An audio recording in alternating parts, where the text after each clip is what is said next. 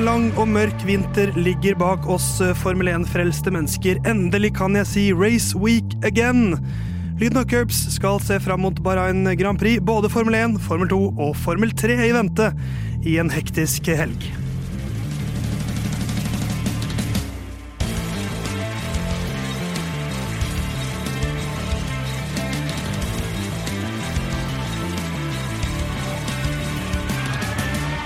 Nei, dæven har du sett. Det er løp om bare noen dager. Formel 1-sesongen er timer unna oss. Nå endelig er det løp å få. Theis bak spak og klaff, som du vet han pleier å sitte.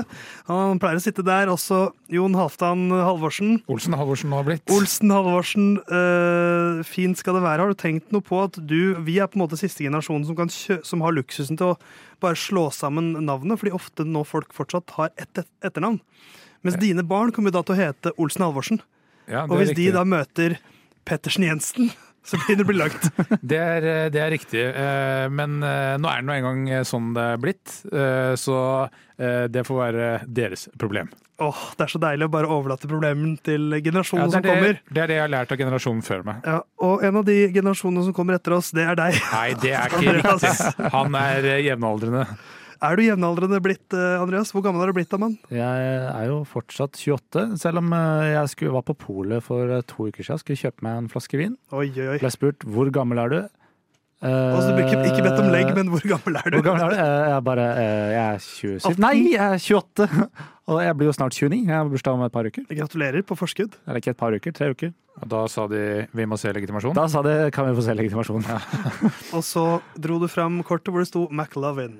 Det gjorde det faktisk, ja. Skal vi, gjøre, skal vi poengtere at Herman ikke er her? Nå vet de jo allerede at Andreas er her. Ja, Det ble jo på en måte annonsert eh, sist, Ja. da, men han eh, driver og mesker seg i de, alle de herligste retter som Thailand kan by på, som pizza og sandwich og alt mulig greier. Ja, Sett noen edderkopper Ja. som han er fryktelig redd for. En padde fikk vi Han har, i dag. han har klaga til seg et finere rom.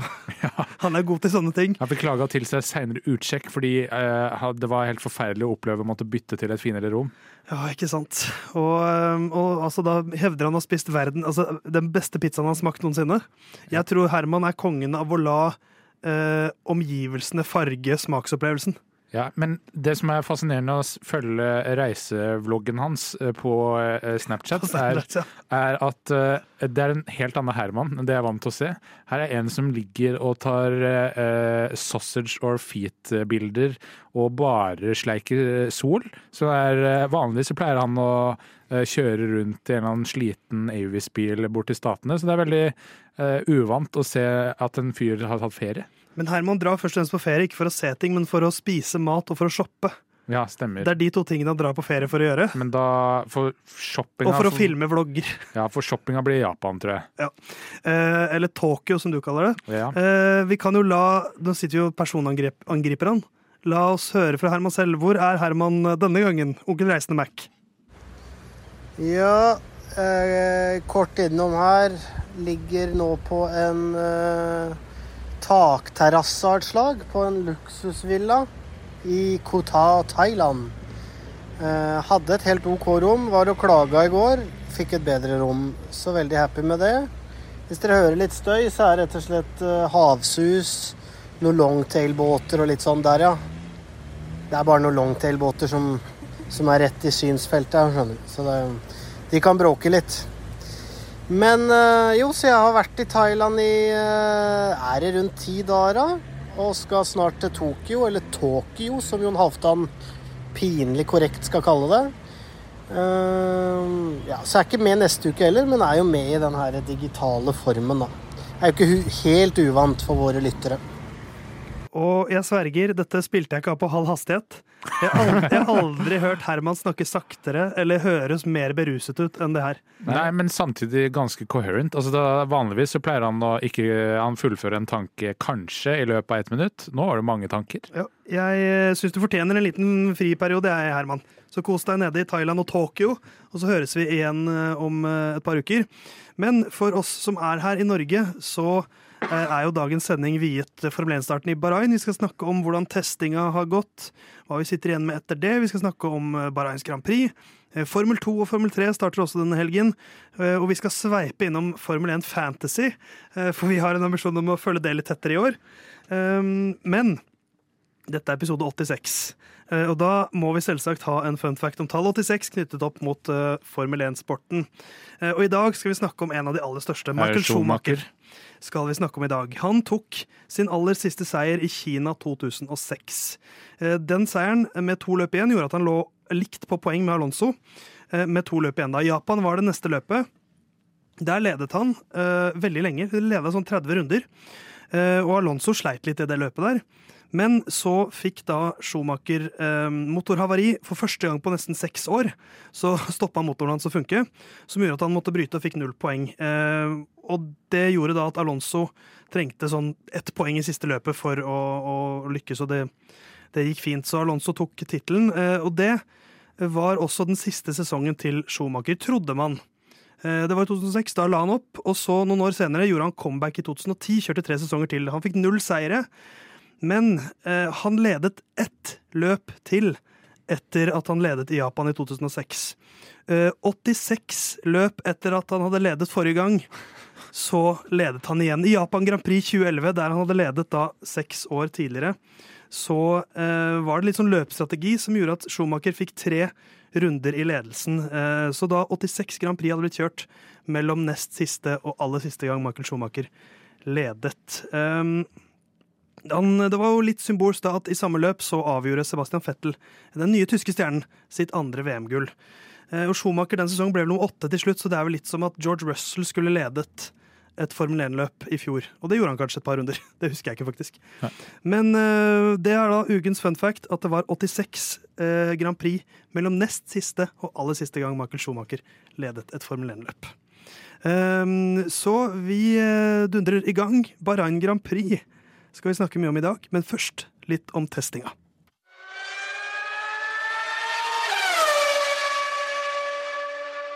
Hver gang når det er ny sesong i Formel 1 som starter, så gleder jeg meg alltid til testinga.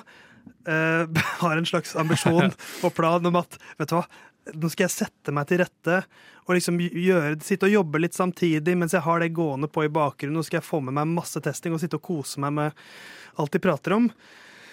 Så kanskje 40 minutter live. Jeg eh, hadde en ambisjon om dette skal jeg ha på i bakgrunnen. Akkurat samme som meg. På, litt nede i hjørnet på skjermen. Ja. Eh, men eh, eh, hvor, hvor eh, jeg ble altså så forstyrra av folk som lurte på om jeg ble forstyrra av å ha det nede i vinduet, at eh, jeg måtte Ja. bare skru det av. Ja, For du gjorde det på, på et faktisk kontor, du. Ja, på et kontor. Det åpne kontorlandskapet, som jeg har fått veldig fornøyd med det. Eh, hvor eh, Som alle som har åpent kontorlandskap sier. Ja, eh, og da eh, var det Altså, jeg ble mer forstyrra av spørsmål om jeg hadde det på, framfor å bare ha det å surre og gå i bakgrunnen og kunne få liksom bitte litt sånn inntrykk i løpet av dagen. Ikke mulig. Ikke mulig. Hva med deg, Andreas? Hvordan fulgte du med på testdagene? Jeg, jeg jobber jo i et slags åpent kontorlandskap, jeg også. Det- I form av en av eh, bil uten dører. Så Ja. den er jo åpen hele tida. Men eh, ingen muligheter for å se testing live. Sånn sett er jo du den som har en jobb som er nærmest Formel 1-fører. I og med at du ikke bare at du kjører bil, men en bil uten dører. Ja, faktisk. Hvor du sitter åpent. Ja, men jeg steger inn fra sida, da, og ikke, jeg hopper ikke oppi. Har du halo? Nei. En slags halo. Slags En halo. slags- Nei, Du har frontrute, da. Jeg har frontrute. Det er mer som en slags Le Mans-bil. Men jeg Ja. tror hvis jeg krasjer eh, i 40 med den, så går det dårligere med meg enn de Formel 1-bilene i 300. Ja, det er ikke så mye crumple zones. Nei. kanskje, å snakke om. Um, men ja, eh, men vi har jo fortsatt, jeg har fortsatt liksom fulgt med. Absolutt. Sett høydepunkter og fått med meg hvordan det har gått. Så litt sånn fokus på hva vi, hva vi har Hva vi sitter igjen med. Eh, eh, For alle sine, eh, hva skal vi si, skavanker i oppladninga til den sesongen her. Den sesonglanseringa, eller billanseringa til Red Bull var, det er sjelden at de har skapt så mye hva skal jeg si, støy eller spekulasjoner da de lanserte en sånn slags variant av Mercedes sitt no-pod-konsept. Som, sånn jeg har forstått, ser ganske bra ut også på banen. Det har jo sett ganske bra ut på banen. Eh, Det, det, har, for, det har for øvrig vært mitt, min sånn favorittdel av testinga. Det er å se liksom hvordan alle, alle på griden er ganske sånn pent kledd. Det er mye sånn teamtøy og så videre. Og så går Adrian Newey rundt der i blå jeans og en sånn melert, utvaska blå T-skjorte med mobilfutteral i beltet og liksom ser ut som akkurat sånn en ingeniør skal se, ingeniørpappa skal se ut. Og så har han bygget en bil som Mercedes da ikke har klart å, å perfeksjonere, og så ser det ut, og så står Max Verstappen og gliser og sier den gjør akkurat det jeg vil den skal gjøre. Ja, og når, etter at han satte rask runde, at uh, Jean-Pierre Lambias eh, smiler eh, som, altså Det skjer jo det òg, men når det er sånn eh, den type smil, da betyr det at ting går bra. Men det er veldig fascinerende med sånn menn. eh, vet ikke om noen husker Bjørn Gullvåg, som er sjef for Helsedirektoratet? Jo. Da han var på hjemmekontor, sitt første pressekonferanse live, da var han ferdig med dress. Da var det rett i eh, hawaiiskjorte. Eh, så det er litt sånn det er eh, med Agent Newey når det ikke er offisielt. Men han lå på gulvet der og kikka litt under Red Bullen og sånt da det var dette eh, hva heter det? Altså drain coverage, eh, kumlokket, Ja. som hadde vel truffet en Ferrari og en Red Bull. Ja, Vi kritiserte jo Las Vegas for det, eh, Ja. og nå skjer det på Bahrain også. Formel 1-bilenes verste fiende. Men eh, når Max sier at bilen gjør akkurat det jeg vil, og Alonso går ut og sier at det er 19 førere som vet at de ikke blir verdensmestere allerede, eh, hva tenker du da når verdens beste selvtillit, Alonso, til og med sier det, med mindre han sier det selv at jeg vinner?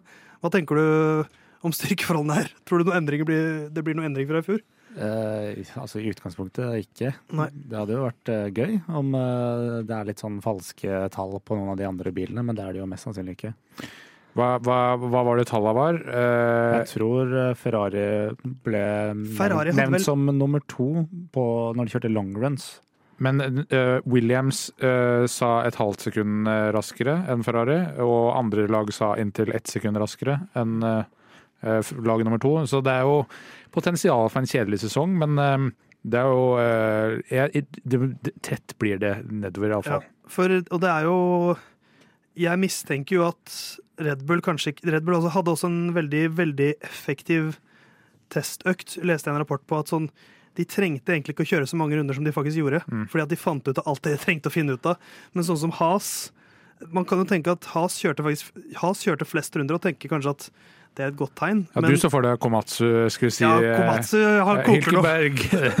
You are the world champion! Ja, jeg skrev det i vår interne gruppe litt som en spøk, da, men ja, åpenbart. Og, og, og for kanskje 20 år siden så kanskje det hadde vært et poeng. Men i dag, i dagens Formel 1 så er jo disse bilene så driftsstabile at det at de, treng, at de kjørte så mange runder, det er egentlig ikke et godt tegn, tror jeg. For det er litt sånn shit, vi trenger flere runder, for vi, har mer, vi må ha mer data. Ja, de forventa jo fortsatt å være sist og treigest, men eh, kanskje litt nærmere nummer 19, da. Ja, for det er, Eller nummer, lag nummer 9. For jeg, jeg tenkte jo før sesongen her at dette kan umulig bli like stor forskjell som i fjor, fordi eh, Red Bull, hvorfor skal de ta noen sjanser? Det er nye biler om ikke så veldig lenge. De har et forsprang. De trenger liksom ikke å revolusjonere noe. Eh, så at de andre kommer litt nærmere. Men nei da, Adrian Newey, han eh, syns ikke det er godt nok. Nei. Han lager noe helt nytt og, og tenker vi skal bli enda raskere. Ja, og Det er jo en ekstrem forenkling å si det er no-pod-konseptet, men altså, det er jo litt Det, gøy. er, hvis du ser den bilen ovenfra, det ser ut som en hybrid av Ferrari og Mercedes. Ja. Eh, og for, det er Det beste fra begge de bilene har han liksom smidd sammen ja, til en herskering. Akkurat som Sauron gjorde det. og med gulvet fra gulvet fra Red Bullen. Eh, men eh, det er jo en kombinasjon av at allting fungerer veldig bra på den bilen. Men et annet, eh, i den grad man kan kalle Red Bull et works-lag, så er jo det er jo en del works-lag, men det som er tipsa til å være i hard konkurranse om Has med å være bakerst, det var eh, Hvem var det hvem var det, det var, Theis? Altså, det er jo alpin, da. Ja. Eh, som har laget en bil som er for tung, for treig, for dårlig. For, altså den, og Renault-motoren går jo bakover.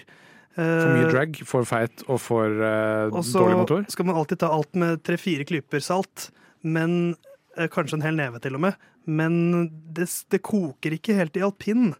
Eh, og det laget spådde jo, tenkte jo vi kanskje kunne være litt sånn middel Akkurat der de var i fjor, egentlig. Men det ser faktisk ut til at de er, de er nærmere bakdelen av feltet nå enn de var. Mm. Det er det inntrykket jeg sitter igjen med. Ja, øh, det er franske skattepenger som har gått til dette. Hvordan kan du tillate dette, Jon? Og kjendispengene til eh, Ryan Reynolds. Ryan Reynolds, blant annet. Uh, nei, altså, de kicka jo ut jeg, jeg tror det er han der uh, Er det Laura Rossi han heter? som er CEO i alpin, som har drevet for mye på med micromanagement. Kicka ut vår venn. eh, Cyril. Eh, nei, ikke eh, Det var før det. Jeg tenker på han um, Cyril vil alltid være vår venn. Ja. Ja, eh, Ottmar Sefnauer Ja, Uh, og hele den der eh, katastrofen som var forrige sommer, altså sommeren 22, da vi mista Oscar Piastri. Så det har vært et lag som liksom har gått bakover og bakover, fra vi har hørt Cyril Abitbull eh, si neste år, da tar vi Red Bull. Til å bare De har ikke vært lenger unna. For det er sånn det presenteres i første sesongen av to Ja, det er jo det. De skal faen meg nå, Og nå har de tatt Ricardo. Det, motordealen er masse drama. Nå, nå tar vi dem, og så ja. Sånn har det, sånn det, sånn det blitt. Men for å se litt på, på, på de mellom Red Bull og Has og, og, og co. Eh, I sjiktet bak Red Bull så har jeg jo inntrykk av at både altså Ferrari virker som de har De sleit, har jo slitt med dekkslitasje. Mm. Virker som at de har gått et steg i riktig retning der. Også Mercedes uh, virker å si her har vi en base som vi kan bygge noe fra. Og Mm. det, har, det er jo noe helt annet enn de har sagt de siste årene. Ja, Da, absolutt. da hadde det jo vært eh, what the fuck, vi skjønner ikke denne bilen. Ja, og så har du jo da inkludert McLaren og Aston Martin i liksom Jeg tror det ble ganske tett mellom de laga der. Kanskje Ferrari litt foran. Ja, jeg tror eh, de fire beste blir Mercedes, Red Bull, McLaren og Ferrari. I den rekkefølgen. Nei, Åh, åpenbart. åh, det hadde vært en hot take. Det hadde vært veldig hot take. Ja. Men uh, Racing Bulls, da? Ja, de virker jo også å være altså de, de fleste eksperter har liksom rangert de Sjette? Uh, Ja, det er liksom der de ligger, men da er de jo oppe og liksom og snuser litt på Aston Martin. Og de er foran alpin på nesten Samtlige. alle eksperter sine tips. Eh, alle nettsider, alle eksperter har liksom, har, lager sånne rangeringer hvor Red Bull er på toppen av alle, og så er det liksom litt switch mellom Ferrari og Mercedes og McLaren. Så følger Aston Martin, og så er det Racing Bulls. Eller V-carb. Ja, V-carb. Racing Bulls er kulere. Ja. Men Um, eh, kan jeg stille deg et spørsmål? Sånn, eh, hvem, ut av, etter å ha sett testinga, hvilket lag tror du overrasker mest og skuffer mest? Alpin er jo kanskje det Jeg tror kanskje vi nettopp nevnte de. Alpin tror jeg er helt off. Og så lurer jeg kanskje på om Racing Bulls eller V-Carb kan liksom sparke litt oppover. Ja. At de kommer til å ta mange poeng denne sesongen og egentlig ta litt plassen til alpin. Kan jeg ta brannfakkelvarianten? Ja. Eh, kommer til å skuffe mest Mercedes, tror jeg. Oi, fordi at nå, har vi, nå sitter vi og sier vet du hva, i år har de noe! Ja, nei, Og så er de egentlig ikke noe nærmere enn i fjor. nei, fordi nå må Ferrari uh, clean up their act. Nå kommer eh, snart uh, kongen, uh, så da er det på tide Ja, å ha vaska hva, hva er det heter? Bak ørene, eksempel. Blant annet. Og audienssalen og alt må være på stell. Eh, McLaren ser ut som, selv om eh, eh, Mr. Zac Brown bruker mye tid på å klage på hele Racing Bulls, eh, så har de noe på gang. Og Mercedes ser ut til å være liksom De mister både førere og brains. Overrasker mest Kick Sauber.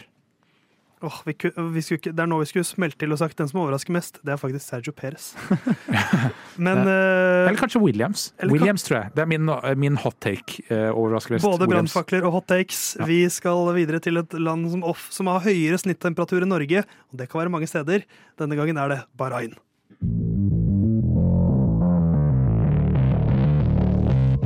Fremdeles her i studio på Radio Nova så er det Theis bak spak og klaff, det er Jon Halvdan, og det er det mennesket jeg oftest ser på tilfeldig vis rundt omkring i byen. Eh, Andreas, jeg tror du faktisk er det mennesket jeg- ser oftest, altså sånn uten at det er planlagt at jeg skal se deg. Jeg, jeg har blitt fortalt det, men da har det seg, vi jobber jo i samme bygg. Ja, du, altså, jeg jobber i etasjen over der du jobber. Ja. Så jeg, og jeg, utsikten fra kontoret der jeg sitter og forbereder meg, det er ned på der du ofte er Ja. og forbereder deg til din jobb. Så det er ikke så rart du ser meg, men jeg ser stort sett ikke deg hele tiden. Det er ganske stalkeraktig. Det er dessverre en av de tinga som eh, er en del av det å være postbud. Det er at eh, det liker jeg å si til alle. Vi blir alltid sett på, så pass på hva du driver Ja, med. men så kan du, du også si sånn Ja, det blir lite post for tiden, Theis. Ja. For du vet hva som jeg får av post. Nei, Theis får bare inkassovarsler, og eh, Men jeg fikk noen linser her forleden. Var det du som kom med de? jeg vet ikke. Det er, hvis det er fordi jeg pakker, så det, når jeg har gått der hvor du bor, så har jeg levert bare post. Ja, nok snikksnakk om post. Eh, la oss snakke litt om F1, takk. Eh, Bahrains Grand Prix, et eh, løp med etter hvert ganske dype røtter i Formel 1-sporten. Men Jon, mm. kan ikke du ta oss litt, litt gjennom denne banen i Sakhir? Jeg skal ta oss junt uh, bag, eh, Bagain, jeg. Eh, Ikke gjør narr av folk som ikke kan si R. Nei, jeg bare gjør narr av deg som ikke kan si R. Ja. Så ikke alle sammen. Uh, Bahrain, Sakir, eh, 5412 meter, fordelt på 14 14 svinger. Det skal kjøres 57 runder. Banen har to DRS-strekninger eh, ned start-mål-strekninga mellom sving 3 og sving 4. Eh, det, mål, det langstrekket der er vel kanskje mest kjent for å eh, i løp sånn ett til to sekunder være en flammekule da Romain Grachat krasja i autovernet på høyre side av banen. Uh, sving 10, uh, kanskje den mest tekniske vanskelige svingen i Formel 1. Uh, det er inn mot uh, uh, tredje DRS-sone. Jeg sa to, det er tre. Uh, det er første løpet, Jon. Det er lov å trenge riktig. litt tid på å varme seg opp. Jeg er som Herman sier, litt nervøs. Det er men, veldig søtt. men Sving, Sving 10 er Hvis dere har sett litt på te te- testinga, og dere kommer til å se det i free practice òg, at det er der hvor alle låser ytre dekk. Eh, eh, mest vanlig å kjøre forbi inn til eh, sving 1. Eh, det hender at noen prøver seg inn til sving eh, 11 hvis de har veldig god utgang fra sving 10. Men ned mot sving 1 mest sannsynlig. Og øhm, det er jo som sagt et, jeg, jeg satt og tenkte litt på det de siste dagene, at sånn vi, vi er jo ofte litt negativt innstilt til når land med et lettvint forhold til menneskerettigheter, og en del Midtøsten-nasjoner osv., eh, begynner å få større og større stake i sporten. Men så hadde jeg tenkt på at nå har jo jaggu meg Bahrain Grand Prix vært med i 20 år. Og hvor, hvor, jeg begynner å tenke, hvor lenge må noe være med før man liksom begynner å, å få litt nostalgi rundt det? Jeg vet ikke Og få litt varmefølelser også. Dette er jo sportsvasking som funker i praksis. Sportsvasking over tid. Ja, altså det funker jo bedre enn eh, Ronaldi, Ronaldi eller når flere Ronaldoer går til et, et annet land. Ja. Ehm, Christian Ronaldi. ja, Når man ikke har rettighetene til spilleren. ja, det er riktig. Det er Saudi-Arabias variant av eh, Fifa, eller Fs, hva er det heter nå? Football manager. De har jo ikke rettighetene rundt forbi, så Nei, de, der heter jo eksempel Manchester United M Manchester UFC. Men uh, i den grad det funker, så lenge vi passer på alltid snakke om det, Theis, eh, her på lufta for våre alle lyttere, Ja. så glemmer vi det aldri. Ja, Vi glemmer det aldri, men vi kan si at Bahrains Grand Prix det ble da I 2004 så vant Michael Schumacher, eh, og så vant Fernando Alonso to år, to år på rad etter det. Um, eh, han har vunnet der tre ganger, Fettel har vunnet der fire ganger, Hamilton har vunnet der fem ganger. De to siste årene så har Verstappen og Leclerc vunnet én gang hver. Ja. Og den seieren til Verstappen i fjor var jo da første Red Bull-seier på Bahrain-banen siden Fettel i 2013. Mm. Så det var en lang tørke i ørkenen for eh, Red Bull. Men eh, nå er det vel stor tro på at dette går, eh, går med Max Verstappen som størst favoritt, uavhengig av hva som skjer rundt i laget. For vi, vi slipper ikke helt unna å prate litt om Christian Horner. Vi prata ikke om det forrige uke.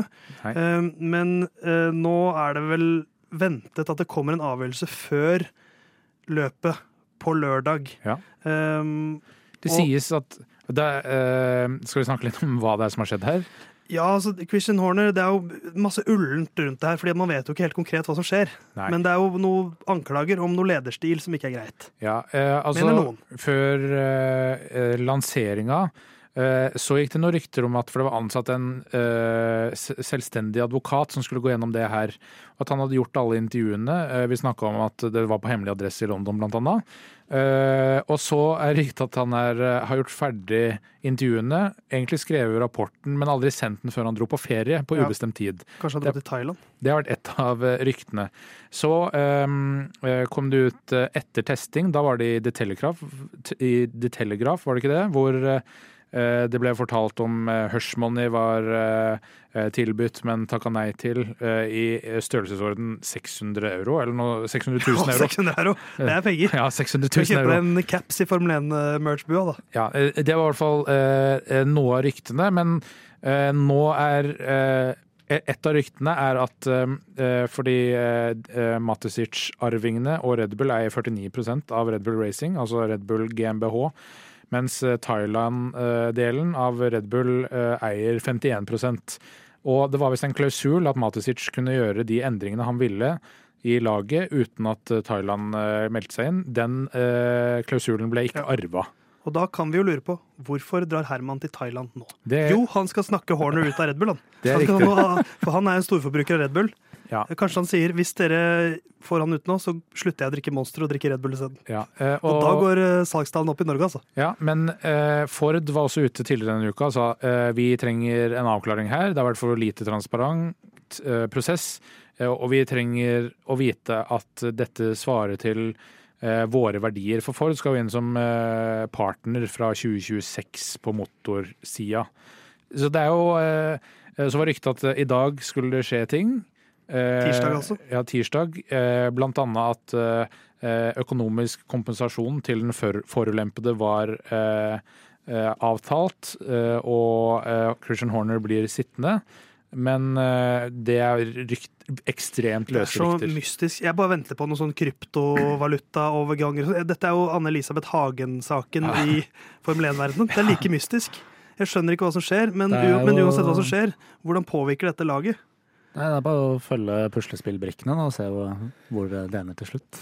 Ja, det er det, men, men tror, du, tror du, Andreas, at det har noe å si for løpet på lørdag? Sånn egentlig, hvordan, Hvis Horner er ved roret, hvis han ikke er ved roret, endrer det noe i praksis på lørdag? Sånn personlig på lørdag, nei. Sånn, for den sesongen her så tipper jeg også nei hvis han ikke er der. Jeg, jeg tror også det, eh, altså, det vil ikke være ubetydelig om Christian Horner går ut, men såpass stort selskap bør Red Bull være nå, og så profesjonelt, at hvis han ryker, så ramler ikke hele prosjektet sammen. Selv om noen, eh, ikke kredible folk, men noen antyder det. Ja. Um, men det, det, det som det bærer veldig preg av maktkamp der mellom eh, eh, egentlig Christian Horner og Helmut Marko. Ja, det er også det jeg sitter litt igjen med, men, men det som jeg er litt spent på, er hvor tydelig be- Hvis han blir sittende, for, hvis han fjerner, så får vi jo en tydelig beskjed. Ja, vi- vi- Men, men hvis han blir sittende, hvor tydelig kommer uttalelse Kommer det noen da tydelig eh, Christian Horner stays, eller bare sier de ingenting? Nei, For altså- hvis de ikke sier noe, så blir det jo Da blir det jo Da er det jo vanskelig å være Max Verstappen på lørdag, f.eks. Da får han masse spørsmål om det. Ja, absolutt. Men vi snakka om her eh, under låta, eh, for dette er også et live radioprogram. Tenk det. Bra nå, Nova hver tirsdag klokka sju. Ja, eh, at eh, det er vel eh, i hovedsak tre kategorier som er diskvalifiserende. Eh, Det er eh, noe seksuelt, rasisme eller vold. Eller alle tre. En herlig tre. blanding. Hvis det er noen av de tre, så kan han jo på en måte Ja. ikke bli sittende. Nei. Eh, Men hvis det er noe annet, en kontrollerende lederstil som ikke er eh, grov mobbing eller eh, er på andre måter krenkende, så kan man vel si at han potensielt kan bli sittende. Men helt altså vi vet jo ingenting av hva som har skjedd. Og jeg syns de bør være ute ganske tydelig med hva det er som har skjedd. fordi hvis det henger igjen eh, seksuell trakassering-anklager og eh, tilnavn som Christian Horny eh, etter at denne eh, sagaen er over, da er de litt i trøbbel. Ja, jeg tenkte, altså jeg er enig med deg, at de må virkelig si hva det er som har skjedd, og hva han har måttet bøte med da, for Ja. det han har gjort. Uavhengig av liksom hva som har skjedd der, så må de nesten si noe. For det er en eh, elefant i rommet her, og hvis, hvis som at dersom at og så videre. Så de må si noe. Eh, Det, komme, det kan hende det har kommet noe innen eh, du hører dette. Dette er som sagt tirsdag kveld. Hvis det kommer noe, så snakker vi nok om det neste uke. Men ja, fra det litt sidenom sportslige til det sportslige, da, her i Curbs.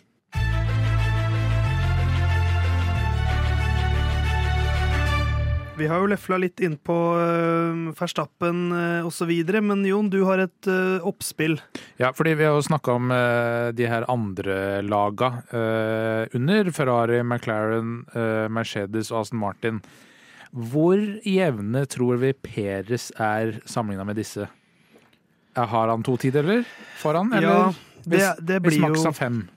det blir jo det store spørsmålet i år, da. Eh, For det var litt sånn Nå var det jo Verstappen som hadde de første testrundene i Red Bull, og da var det jo sånn å, shit, nå er vi der igjen. Og så var Peres der, og så var det litt sånn ja, eh, Ja, si. Kanskje de ikke er så overlegne likevel, og da er jo den derre det, det, Mye av det avhenger av, tror jeg, hvor mye sandbagging eh, Red Bull har holdt på med i testinga. For jeg nekter å tro at de kjørte maks veldig mye av eh, økta.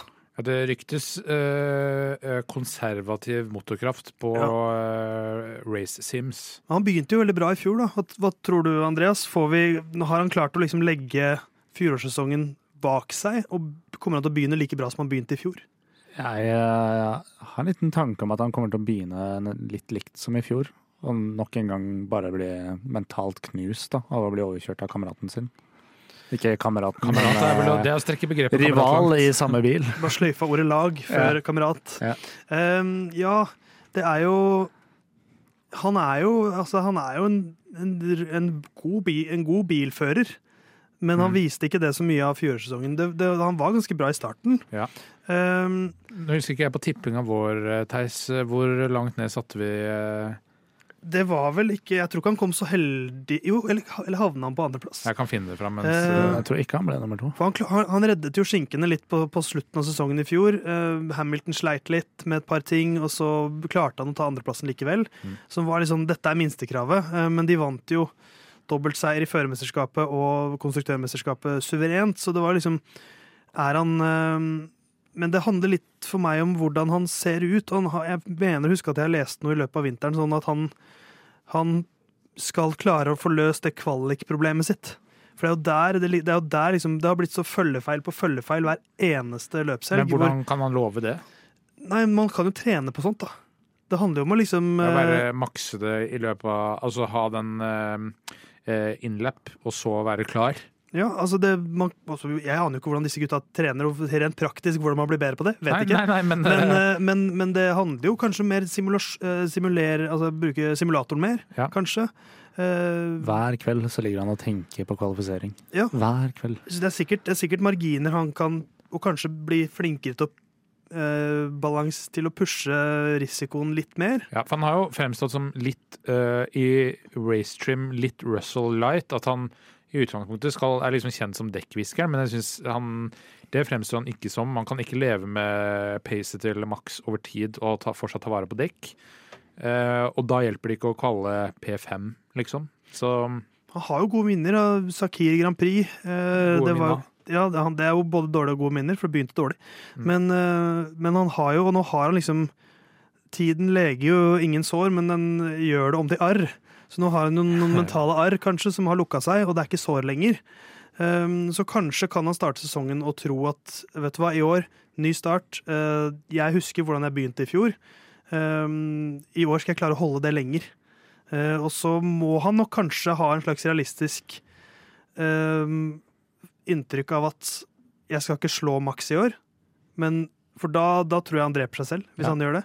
Eh, Han, han- han, han, må tenke jeg skal være nærmere Max, og jeg skal være langt foran alle andre enn Max. ja, det må han tenke. vi tippa han P2. Ja, og det, det står jeg for. Jeg merker jeg snakka litt opp på slutten der, i mitt eget hjerte. Så Men hvem tror vi under her, da? Er vi klink Ferrari? jeg har, en, jeg, har en, eh, jeg har jo veldig vært Team Science, men jeg tror at i år ehm, så tror jeg Jeg tror fortsatt Science er bedre fører. Jeg, må, jeg er programforplikta til å si det. Men jeg, jeg tror Leclerc kommer til å være veldig god i år. Men, men, men eh, hvis eh, eh, For de to går inn med sånn forskjellige forutsetninger, åpenbart. eh, slår inn åpne dører her. Men du har Charles Leclerc, som skal bevise at han skal fortsatt være førstefører også når Louis Hamilton kommer. Og så har du Carlos Sainz, som eh, skal drive to survive. Ja, for, for det er jo spørsmålet, for jeg tror egentlig ikke han gjør det. For spørsmålet er jo bare Det er masse kontrakter som er utgående nå. Mm. Science er høyt opp på lista over de som er attraktive. Han er en god team, teamplayer. Han har vært i mange forskjellige lag. Han har vist at han takler mange forskjellige biler raskt. Raskt uh, uten at han trenger liksom, sånn innkjøringsperiode. men vil han være favoritten en plass, eller type overta setet til Hamilton i Mercedes? Hva, hva tror du Hvis du hadde vært uh, Carlos Sainz junior Senior. Jeg har veldig lyst til å være senior. Nei, jeg slang på junior. Fuck. Eh, jeg hadde sikta meg inn på det Mercedes-settet. Hva med deg, Andres? Aston Martin. Har du sikta inn på Aston Martin-setet? Ja, for, På for bekostning av hvem? Ja, Fernando Alonso når han tar, Når han tar Mercedes. Mercedes. ja. Han ja. det hvis de ryktene ja, for der, da blir han jo klar førstefører. Ja, det gjør, han- han gjør det. Det er det jeg tenkte, da, at han eh, går inn der og blir førstefører. Men jeg tror jo at eh, McLaren havner over Mercedes i år. Men, tenk, men, men for, Mm. for Sainz sin del så er jo det viktigste hvordan, hvordan han er målt mot Leclerc. For det er jo det som vil på en måte avgjøre hvor godt sete han får neste år. Og hvilken microp det vil være, da. Hvis han slår Leclerc i år, og så hopper han inn i Mercedes. Ja, han, Som en konsekvens av det. ja, ja. Han slo jo nesten I fjor var det jo bare de surra rundt i siste runde som gjorde at eh, han uh, tapte til eh, Ja.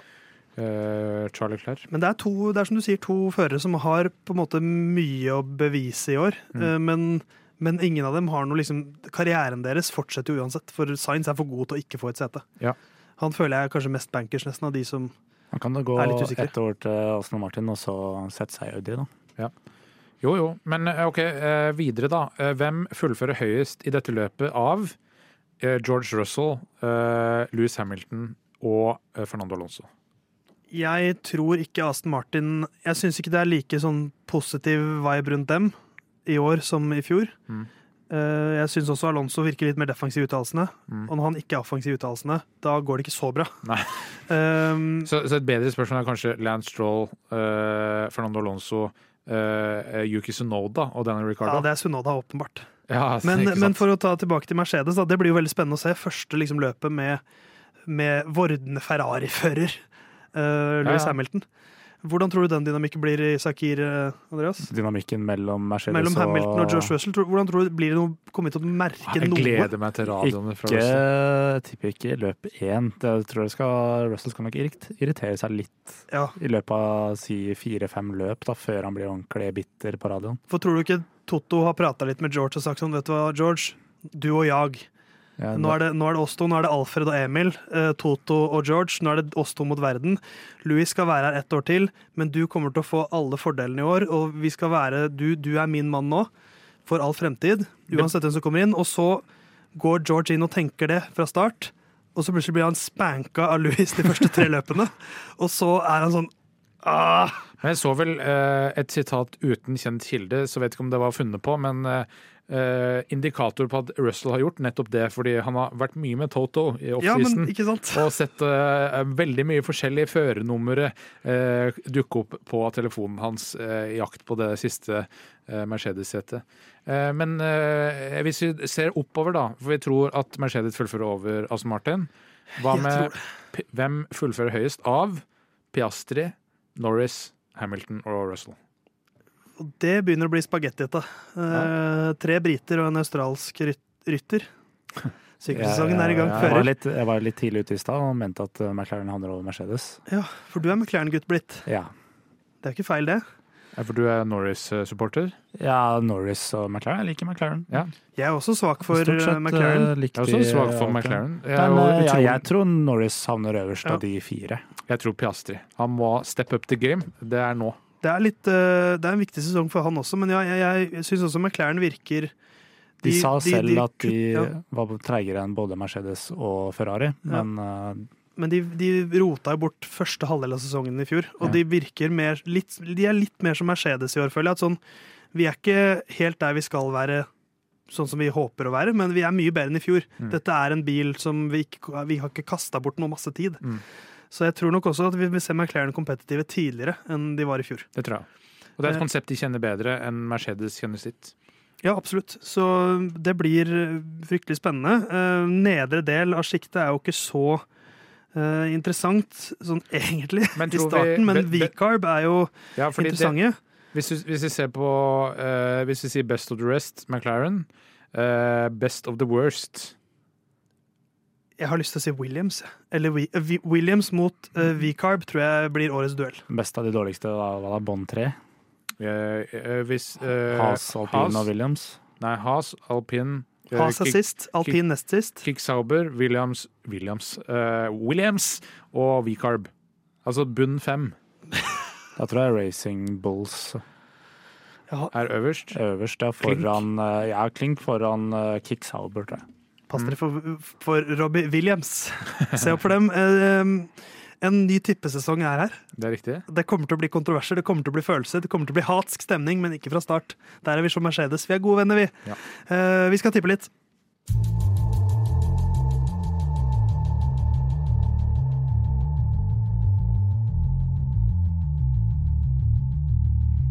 Lyden av Curbs sin utrolig gjeve tippekonkurranse. Jeg vant første sesongen, du vant andre sesongen, Jon. Jeg ble ikke likt. Jo, det ble likt. A-poeng. Stemmer, stemmer. Eh, og da er det den tredje sesongen nå.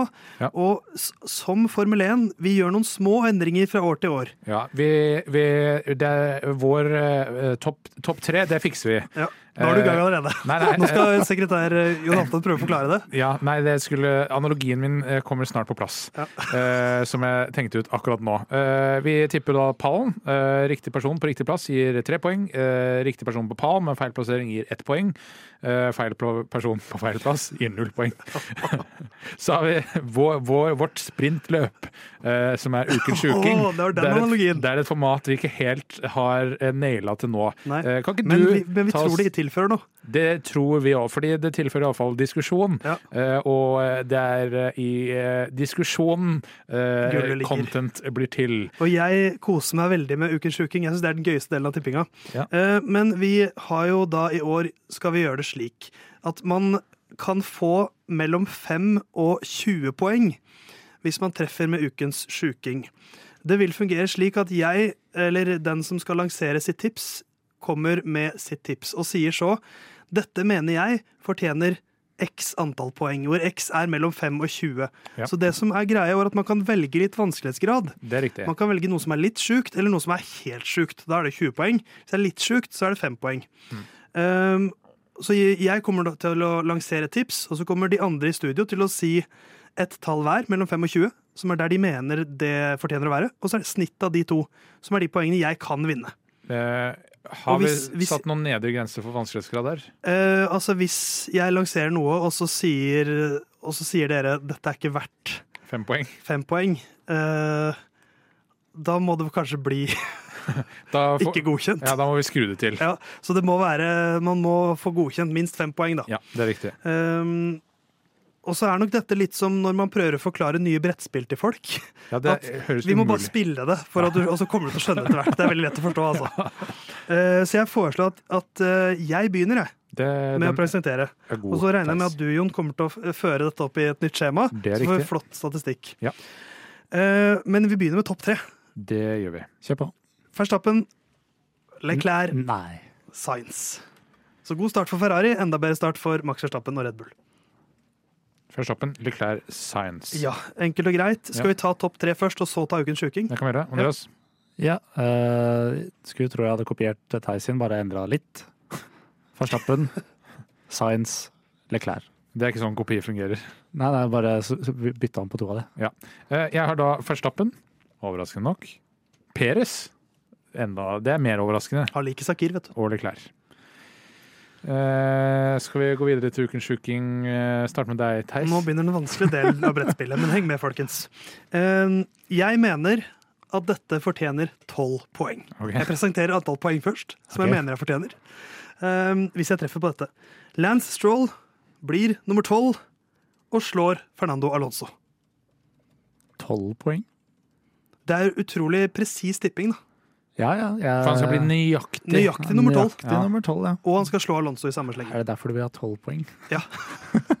jeg, jeg, jeg liksom satt og skrudde det til sånn Hvis jeg sier 11, kan jeg da si 11 poeng, men jeg følte at 12 poeng på 12 på tolvteplass, og at han slår Alonso, den, øhm, den øh, Det er mitt tips. Ok, Og da må eh, dere to, Andreas og Jonathan, litt kjapt liksom bare stikke fingeren litt i været, skrive ned et tall på enten skjermen deres eller mobilen deres, og, og så skal dere da komme med et tall hver.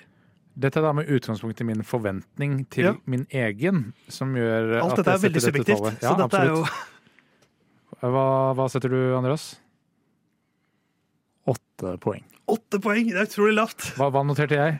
Åtte. Åtte. Ah, men vet du hva? Jeg er uh, brukbart Jeg er ikke helt fornøyd, for jeg mener at hvis jeg Ja, jeg skal ikke jeg, jeg har ikke noe å Nei, argumentere har ikke jeg, noe- jeg får ikke sagt noe. For bare, det er jo en slags jury, det her, og man har ikke noe man skulle sagt. Nei. Man må liksom, det handler jo om hvordan man presenterer det. absolutt. Uh, ja, men OK, åtte poeng. Skal jeg fortsette, da? Ja. kan du gjøre. Jeg uh, syns det fortjener 20 poeng. Ok. Jeg, Dette er klassisk vans- kanskje? Vanskelig å vri uh, gamle vaner. Ja. Uh, Max Verstappen blir kjørt ut av Sergio Perez i sving 2, hvor da Max Verstappen DNF-er, og Perez vinner løpet. Det, for det, det tenker jeg er For nå må jo vi også finne ut hvor legger vi lista for 20 poeng. Og for Mm. meg ligger den der den lå før. Ja, enig i det. Uh, så jeg har et tall klart i hodet mitt, så hvis du skriver det ned, Jeg, Jon jeg må bare få hele Max Verstappen blir kjørt ut av Sergio Perez i sving 2 på runde én, på runde 1. og Peres vinner løpet. Perez vinner, og Max er ute. Veldig konkret. Jeg, jeg, jeg har mitt tall klart. Ja, mitt, mitt tall klart. 20. 16. 16! 16! Da blir det 18, da. Det er riktig. Det var voldsomt. Det Det er jeg greit han er sist. sist, kjenner jeg nå. Det er Eh, fortsatt ganske sjukt, da. 18 poeng. Ja, Det er ganske greit. Ja. eh, min ukens sjuking er eh, på lørdag, når eh, disse fem lysene slukker, er ikke Christian Horner team principle. Oi, den er vanskelig. Jeg eh, Hvor mange Du har ikke sagt alle poeng? Nei, du jeg, glemte jeg, jeg kan si det nå. Eh, jeg forvent, hva var det jeg eh, løfta det opp til? Jeg tror jeg Sju poeng. Sju Ja, ikke sant? For det syns jeg er også riktig sikta. Ja. Men jeg syns, vet du hva, Jeg at skal jeg skrive ned. det er nesten så jeg ikke vil godkjenne det. Nei, nei, nei. nei, nei. Fordi det er på en måte Men samtidig så er det jo sjukt, og denne spalten skal jo funke litt sånn nå at det er lov å gå for fem poeng. Ja, det, Har, har du skrevet ned, Andreas? Ja, Jeg sier seks poeng. og jeg sier fem. Ja, så da får du fem. For Ja, vi, For det er, vi ned det er en relativt stor sannsynlighet her. Men dette synes jeg, det her syns jeg denne spalten skinner. For vi, nå har vi én ting som er helt sjukt, og en ting som egentlig er litt sannsynlig, men som fortsatt er sjukt hvis det skjer. Ja. Og en som er litt i midten. Så da eh, er det elefanten som ikke er i rommet. Eh, dette, denne regelen med at vi skal si hvor mange poeng vi går for før vi leverer tipset, ble vi enige om etter at Herman sendte inn sine tips. Så han slipper unna med det denne gangen, det uten no, noen form for sanksjoner. Her er Hermans tips. Når det gjelder tippinga for min del, eh, og jeg har starta opptak uten å tenke igjennom, så tror jeg jeg skal kjøre en eh, sånn som jeg gjør på Fantasy Premier League. Altså prøver jeg å være litt lugn fra start, og så rakner det mot slutten. Eh, Så det prøver jeg igjen, så jeg setter maks på første. Eh, Men så har jeg registrert de her smila til han derre Alison i Mercedes. Så jeg setter Russell på andre. Og jeg setter Hamilton på tredje. Ja, så litt Mercedes-tungt. Jeg har jo brent meg på å tro at Mercedes skal gjøre det bra før. Når det gjelder ukas sjuking, eh, så er det jo noe litt nytt konsept og sånn i år for oss. Eh, og jeg veit jo, når jeg spiller inn det her, ikke helt hvilke regler vi lander på. Eh, så der må dere rett og slett være litt behjelpelige. Eh, det er ikke noe vits å ta meg på en måte første runde her, tenker jeg. Så ukas sjuking for meg, det er at eh, Russell vinner løpet. Men det gjøres med at eh, Hamilton er i en vinnende posisjon, men at Mercedes på ganske kontroversielt vis eh, stokker om så Russell vinner. Og det her spiller jo på det at Russell vil prioriteres over Hamilton og ting som egentlig er ganske fantasi, men jeg vil, jeg vil spille litt på den. Eh, men akkurat hvordan det gjøres, det har jeg ikke noe konkret plan på. Men det jeg tenker må være en slags måling, er at eh, omtrent halvparten av meningsbærerne til Formel 1 ser på det som kontroversielt. Sånn at liksom, kanskje halvparten av ekspertene og de på, på, på Twitter som er engasjert, sier sånn nei, nei, det var helt vanlig, måtte gjøre det pga. dekk-aktig. Mens eh, den andre halvparten er sånn å, fy fader, der lar de Hamilton i stikken. Så det er på en måte min ukas sjuking. Russell vinner, men det gjøres på kontroversielt vis. Hvor de stokker om sånn at Hamilton ikke får den seieren han er i rute til å få. Så da må jo Hamilton bl.a. ha en ledende posisjon på Russell, da. Eh, hvis dere trenger å stramme til den, eller eh, akkurat hvordan det blir, det vet jeg ikke. Men, eh, men jeg syns i hvert fall den er ganske konkret, selv om jeg er klar over at det er fører A foran fører B. Men det er noen eh, faktorer i tillegg til det, altså. Først må jeg bare si at jeg tror Herman har hatt så godt av en eh, offseason. Han høres ut som et, et friskt menneske som har uh, sett lyset på noe vis. Ja, ikke minst så- et som tar seg god tid. Ja, tar seg god tid. Veldig blid og fornøyd da. Uh, oppsummert, Russell vinner uh, på en slags team order, nesten, da. Ja, jeg har skrevet Russell vinner løpet, men det gjøres jo at Mercedes gir team order og flytter Louis Hamilton ned fra første. Og Det, det, men det kan vel tolkes som at de også pitter han Ja. på feil tidspunkt. Ja, men flytter eh, eh, Gir team order eller eh, Jeg- på annet eh, jeg er forberedt på å gi Herman ganske mye slack på, på, liksom, på å definere hva så, så lenge det er liksom at Mercedes velger å pitte Hamilton på et rart tidspunkt, eller noe sånt. ja, ja. Eh, hvis det ikke gir han den fordelen ofte bil én av to i et team har, så vil jeg godkjenne at den går inn. Russell vinner Enig. løpet, men det gjøres ved at Mercedes gir teamorder slash strategisk ordner og flytter Louis Hamilton ned fra første. Ja, Ja. den er bedre. Um, jeg har et tall i hodet mitt, jeg. Jeg har et tall notert ned. Og da er det snitt av tre som gjelder nå. Ja. Eh, Så nå må vi fram med kalkulatoren. Ja. Um, jeg liker dette. Jeg syns det er lite eh, sannsynlig at det skjer. 17 poeng. Eh, Jeg gir eh, 19 poeng. Ja, ikke sant? Da er det gøy at jeg også har gitt eh, 17 poeng. Da er vi på 53, og deler vi det på 3, så får vi 17. Så da er det 17,6, så han får 17 poeng. Yes. Um, og det syns jeg er um, riktig. Andre, ja, for Andreas sin syns jeg fortsatt er mer Jeg synes også, ja, den er, den er veldig Eller jeg ga høyere, da, men, uh. Ja, jeg ga også Ja, ja, for så vidt. men i sum I sum, ja. Eh, så da kan du ta en kjapp oppsummering. Men da vil jeg gjerne etter- ha redo av min, siden han mener at min er mer sannsynlig. Nei, nei, nei. for, det, og, for her kommer jo djevelen i denne nye reglementet, at vi har kontroll over poengene. Det er riktig. Men det er en del av det. Uh, ja, Uh, vi er alle tre, uh, pluss eh, Herman, uh, tippa Verstappen på førsteplass.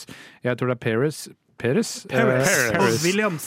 Paris eh, og Williams, eh, altså Peres i, eh, i Red Bull. På andre, der tror Theis at Leclerc er, mens Herman tror Russell, eh, og Andreas tror Science. Jeg tror Leclerc ender på tredjeplass. eh, Der tror Theis at eh, Science ender. Eh, Herman tror at Hamilton ender på tredje, mens eh, Andreas tror Charles Leclerc. Ukens sjuking. Eh, jeg kan få fem poeng, og dersom, når disse fem lysene slokker, eh, er ikke Christian Horner team principal. Eh, Theis kan få åtte poeng dersom Lance Stroll blir nøyaktig nummer tolv og slår Fernando Alonso. Eh, Herman kan få 17 poeng dersom Russell vinner løpet, men det gjøres ved at Mercedes gir teamorder slash strategisk ordner og flytter Louis Hamilton ned fra første, mens Andreas kan få 18 poeng hvis Max Verstappen blir kjørt opp av Sergio Perez i sving to på runde én, og Perez vinner løpet mens Max bryter.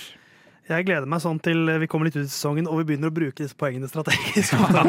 Det ser, jeg ser at det kommer til å skje, og jeg er veldig klar for det. Eh, Noe vi også er klar for denne helgen, Formel 2 og Formel 3.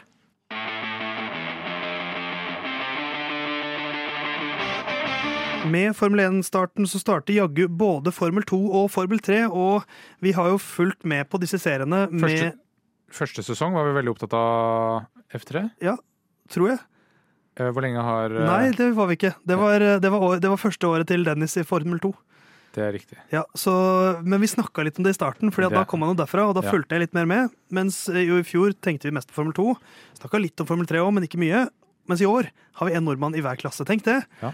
Eh, Så da må vi se litt på hva vi kan forvente. Og Jon, du har sett litt på Formel 3 i år. Ja, hvis vi starter der. eh, De kjører da ti runder eh, med eh, flere løp. Eh, De har vel featureløp og sprintløp, de òg. Ja.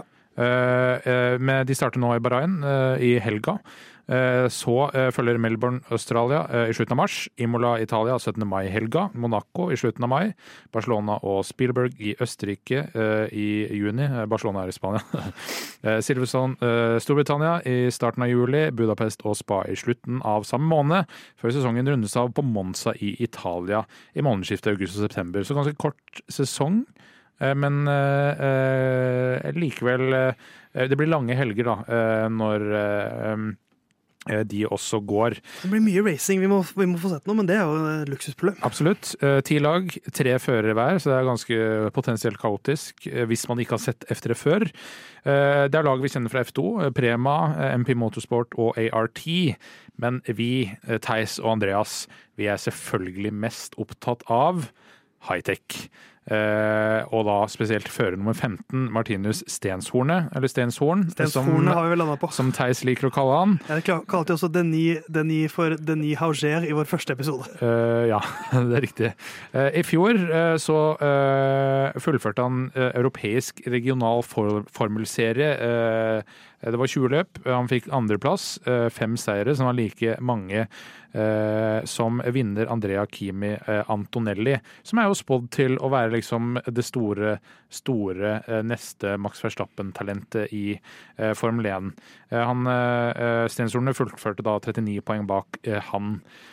Og Stenshornet skal kjøre sammen med britene Luke Browning og Sheehan Shields, der Stenshornet kanskje ikke imponerte sånn sykt i testing, så var fire år eldre Browning eh, øverst på tabellen og hadde visst tredje beste løpssimulering. Eh, så det er i hvert fall potensial for å lære litt eh, hvis det ikke blir den sesongen.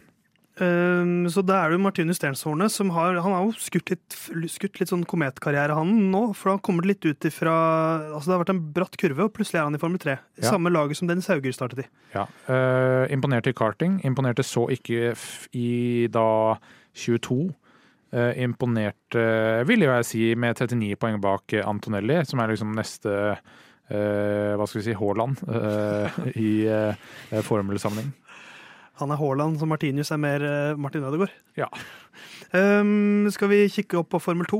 Det kan vi gjøre. Uh, for der har vi jo Denis Haucher som eh, kjører sin tredje sesong. Dennis Hauger eh, er i samme laget, MP Motorsport, uten da eh, Red Bull-backing i år. Så da får vi endelig se han i en mye finere oransje bil enn den kjipe Red Bull-liveryen som alle, som halve feltet har. Har vel eh, fått se han i en sånn type bil i Formel 3 òg, og vant vel Formel 3 uten Red Bull-farger, gjorde han ikke det? Eh, Han var jo. Prema-fører, det husker jeg ikke, men, ja, men eh, jeg har i hvert fall hørt det, så derfor har jeg også sagt at siden han nå, da han vant Formel Ja, 3, så kjørte han uten Red Bull-farger, så derfor vinner han F2 i år. det kan stemme, det. Eh, og det liker jeg. Han skal kjøre med Franco Colapinto, som ble nummer fire i Formel 3 i fjor. Mm. Så ikke noe sånn unikt talent, men selvfølgelig en som har gått gradene og som kan kjøre bil. Argentineren. Um, Han er jo en som eh, vi vel er enige om at eh, Dennis Hauger må knuse eh, for at eh, dette skal være liv laga, er vi ikke det? Han må knuse ham. eh, ydmyke han, pisse på han, sparke han i balla. Ja. Eh, for det gjelder i år, altså, Dennis. Eh, hvis vi ser litt på liksom favorittsjiktet Porscher vant jo, og jeg kan jo ikke da kjøre. Både Vesti, Dohan og, og Ivasa har, skal kjøre andre serier i år. Mm. Som, så det er jo topp fire fra i fjor som ikke er med. Victor Martins og Ollie Bearman er jo de som går igjen på veldig mange favorittips. De blir nummer fem og seks i fjor. Ollie Bearman vant jo masse løp, men hadde jo også masse mye galt. Ja, men han hadde, han hadde vel kanskje den mest imponerende sesongen, eh, hvis man ser bort fra Ja. å vinne. kom jo opp eh, og, og hadde en veldig bra første sesong. Dennis var jo da eh, to plasser bak Bearman til slutt. Så han, han er jo da, av de som kjører, av de som var der i fjor, så er han jo da nummer fire. Mm. Så, så det gjelder. eh, men så er det jo den som allerede har blitt nevnt, da. Andrea Kimi Antonelli, som hopper rett over Formel 3 og skal rett inn i Formel 2. Mm. Eh, som er veldig, veldig spennende. Skal kjøre for pre Prema sammen med Ollie Bearman. Så, Det kan bli ganske fett, eh, det, altså. men så er det et aspekt da, som er at uh, det er nye biler i Formel 2 i år. Mm. Uh, som er ground effect, mye større ground effect-fokus. Nye vinger. Eh, mer tilpasning for høyde på fører osv. Og ja, mindre for- dirty air. også for kvinner. Mindre dirty air. Um, og Dennis Hauger har vel sagt at det er han egentlig ganske fornøyd med, for han fant liksom aldri helt ut av den forrige bilen. Uh, og denne er også mer Det er en mer naturlig stige opp til Formel 1. da. Mm. Den minner mer om sånn som Formel 1 er nå. Um, men så har jo spørsmålet uh, Nye biler er jo Er det en fordel for de som har kjørt Formel 2 før? Nei, det er jo ikke det. Det gjør jo egentlig at det er litt mer jevnt fra start, tenker egentlig jeg. Mm. Ja. For, eh, for, de, som, eh, for de som er førsteårsproffer, holdt jeg på å si. Eller, eller har de, jo, altså, Har du kjørt raskere bil, så har du en fordel der, men nå er det på en måte Du tar ikke med deg så mye av eh, erfaringen fra de to forrige sesongene her, da. Det eneste erfaringen du får med deg, er jo å kjøre Formel 2, men ikke bilen. Ja, ja du, det er jo litt for, for Dennis sin del, da. Hvis vi ser på bilen først. Hvis han får til dette og ikke fikk til forrige, så viser det litt dårlig tilpasningsevne. eh, Som er jo ikke nødvendigvis positivt. Eh, For han, han har litt samme utfordringa som Peres. At eh, kvalik er det røffe. Så han håper jo Jeg håper at han har fått begynt jobben med å rydde opp i det. Ja, for, for helt på ekte, uten norske briller, løpstempoet hans i ganske mange løp i fjor var knallbra. Mm. Eh, men så er det det litt Men med Peres-syndromet. og uten norske briller, eh, så var kvalik for dårlig. Ja, altså det er kjempedårlig. Så, så i hvert fall hvis ambisjonen er å nå Formel 1, Mm. og skal han klare det, så må han vinne i år, tror jeg. Og Hvis det ikke er det, så er det lurt å ikke vinne i år, for da kan du kjøre F2, F3, F2 neste år Ja. også. Enten så må han vinne, eller så må han ha en sånn sesong hvor han er dritbra, men så bare har han litt uflaks. Mm. Um, men jeg vet ikke, skal vi For altså Stenshornet har jo mer slingring. Han skal bare finne føtta sine, på en måte. Ja. Det hadde vært gøy hvis han vant. Skal vi tippe sluttresultat uh, for begge våre nordmenn? Begynne med Stenshornet. Han blir Ja, si det. eh, nummer to. Jeg sier topp tre. Jeg tipper, Da er jeg pessimisten. Fjerdeplass. Så vi er okay. egentlig ganske optimistiske alle, alle tre. Dennis, da? Jeg har bygd opp under utsagnet mitt om at han kjørte i Prema-bil uten Red Bull-farger, så han vinner F2 i år. Han, Hva sier du, Jon? vinner F2 i år. Han vinner nesten F2 i år. Eh, Jeg, jeg, er, jeg, jeg tror hypen er ekte. Andrea Kimi Antonelli vinner. Ja, eh, for det var, det var eh, to poeng bak Antonelli eventuelt. Mest Men jeg fordi- Mest fordi jeg har mest lyst til å få en Kimi i Formel 1 igjen. Ja, du har savna eh, Vi trenger en som kan og så er sikkert han, Kimi Raikkonen, han eh, Det er jo gøy Han jeg, ga meg mye glede. Ja ja, men, Men han er, så ikke så blid ut. Nei. Det er gøy med mye memes. Vi får eh, følge sesongen nærmere, eh, og så skal vi snakke litt til før vi gir oss.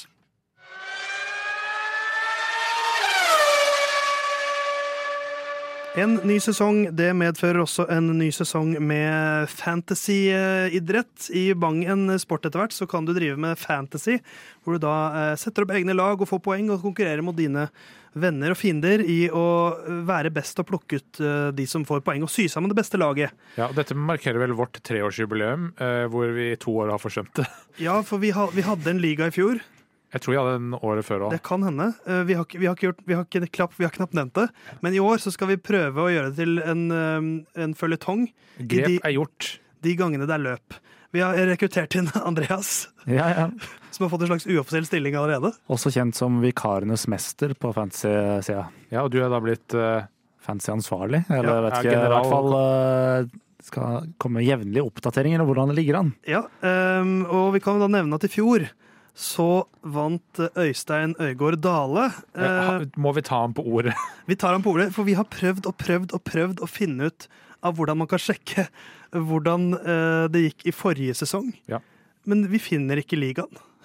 Nei. Så hvis du, Øystein, som da litt spøkefullt har sendt oss en Instagram-melding hvor han lurer på om han har fått noe kallenavn, vi kan da omtale han som eh, vår mester eller FN-kongen, tenker jeg. Eh, Fantasykongen. Fantasykongen Ja. Øystein. Uh, han er i hvert fall gira på en ny liga. Vi eh, lover ny liga. I uh, episodebeskrivelsen så finner du ligakoden. Det gjør du.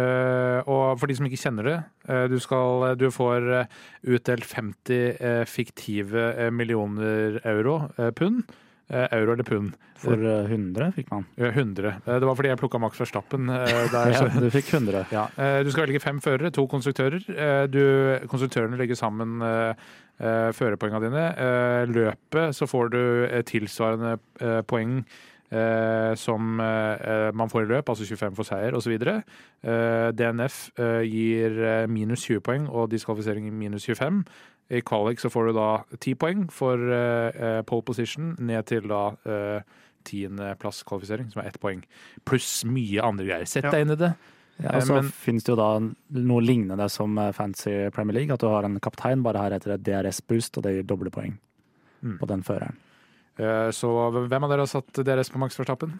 Eh, jeg har ikke satt opp laget mitt ennå. Hva heter laget ditt? Foreløpig heter det Theis er dårlig.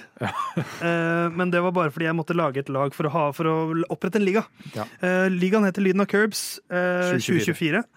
Så meld deg på. Og, og så har vi jo Vi vet jo da at vi har en en, eh, en stor favoritt. Det er fantasy, var fantasy-ekspert. Fantasykongen. Fantasy-kongen Øystein Øygård Dale, som er storfavoritt. Absolutt. Han har lavest odds for å vinne, men Andreas, jeg forventer at du tar opp Du er liksom av, i Curbs-redaksjonen, så jeg får forventninger til deg. Det er greit. Eh, og så skal jeg også ta det litt mer seriøst i år. Jeg skal oppdatere laget mitt, for det gjorde jeg ikke i fjor. Det gjorde ikke jeg Og heller. begynn der. Men eh, når vi nå blir, har en alarmklokke i form av Andreas, så tror jeg vi kommer til å huske på det privat også, Theis. Ja, det er et godt poeng. Um, og hvis vi klarer å trigge konkurranseinstinktet til Herman, så blir det skummelt. Det er riktig. Um, men eh, ellers så er det jo litt spesielt med løpet til helgen, at det går på en lørdag. Ja, De du, første løpene i år går på lørdag. vet du hvorfor grunnen til at det går på lørdag nå i helga? Jeg tipper at det har noe med at det er Kan det være at det er i muslimske land? Eh, Løpet i Saudi-Arabia må gå på lørdag for en eller annen årsak. Eh, Det kan jeg finne ut. Det er mulig det er noe feiring, Ja. men det gjør at løpet denne helga må gå på lørdag fordi de trenger en uke Ja. for å flytte seg. Eh, Så skal jeg sjekke, kan ikke dere bare prate litt, skal jeg finne ut av Ja, jeg eh, har en liten anbefaling nå før sesongen. At det at du kan synke Formel 1-kalenderen inn på telefonen din. Ja, det er riktig. Hvis du er som meg som ikke har så mange andre ting i kalenderen din, så er det kjekt å ha noe som Ja. lyser opp en helg som viser at yes, nå er det løp igjen. Fare for å fremstå som litt ignorant nå, men eh, den litt ukjente eh, høytiden ramadan starter 10., så derfor må det være 9. mars i Saudi-Arabia. og da en uke før eh, Ja, her. Men ja, jeg har hatt Kanskje skal prøve å få lagt inn en iCal-greia i shownotes, fordi jeg har brukt den i mange år. Mange lovnader her. Lyn og Curbs lover at vi er tilbake neste uke også. Det er du som skriver shownotes. Uh, ja, det er det. Så vi får se om jeg gidder. Eh, men uh, vi er tilbake neste uke. Da skal jeg love at vi prater om hvordan det har gått i Fantasy. Jeg lover at vi skal prate mye om hvordan det har gått i både Formel 1, Formel 2 og Formel 3. Jeg lover at vi er tilbake, Jon Halvdan. Det lover jeg òg. Og så lover jeg ikke at du er her, Andreas. Nei, det lover ikke jeg heller. Men jeg lover at vi ses om noen uker. På et eller annet vis. Det høres eh, veldig fint ut. Og jeg ser deg. Det gjør du. Det vet jeg at det gjør. Du der hjemme, jeg håper du koser deg med årets første Formel 1-løp, og så gleder jeg meg til å snakke om det neste uke. Vi høres da. Lykke til.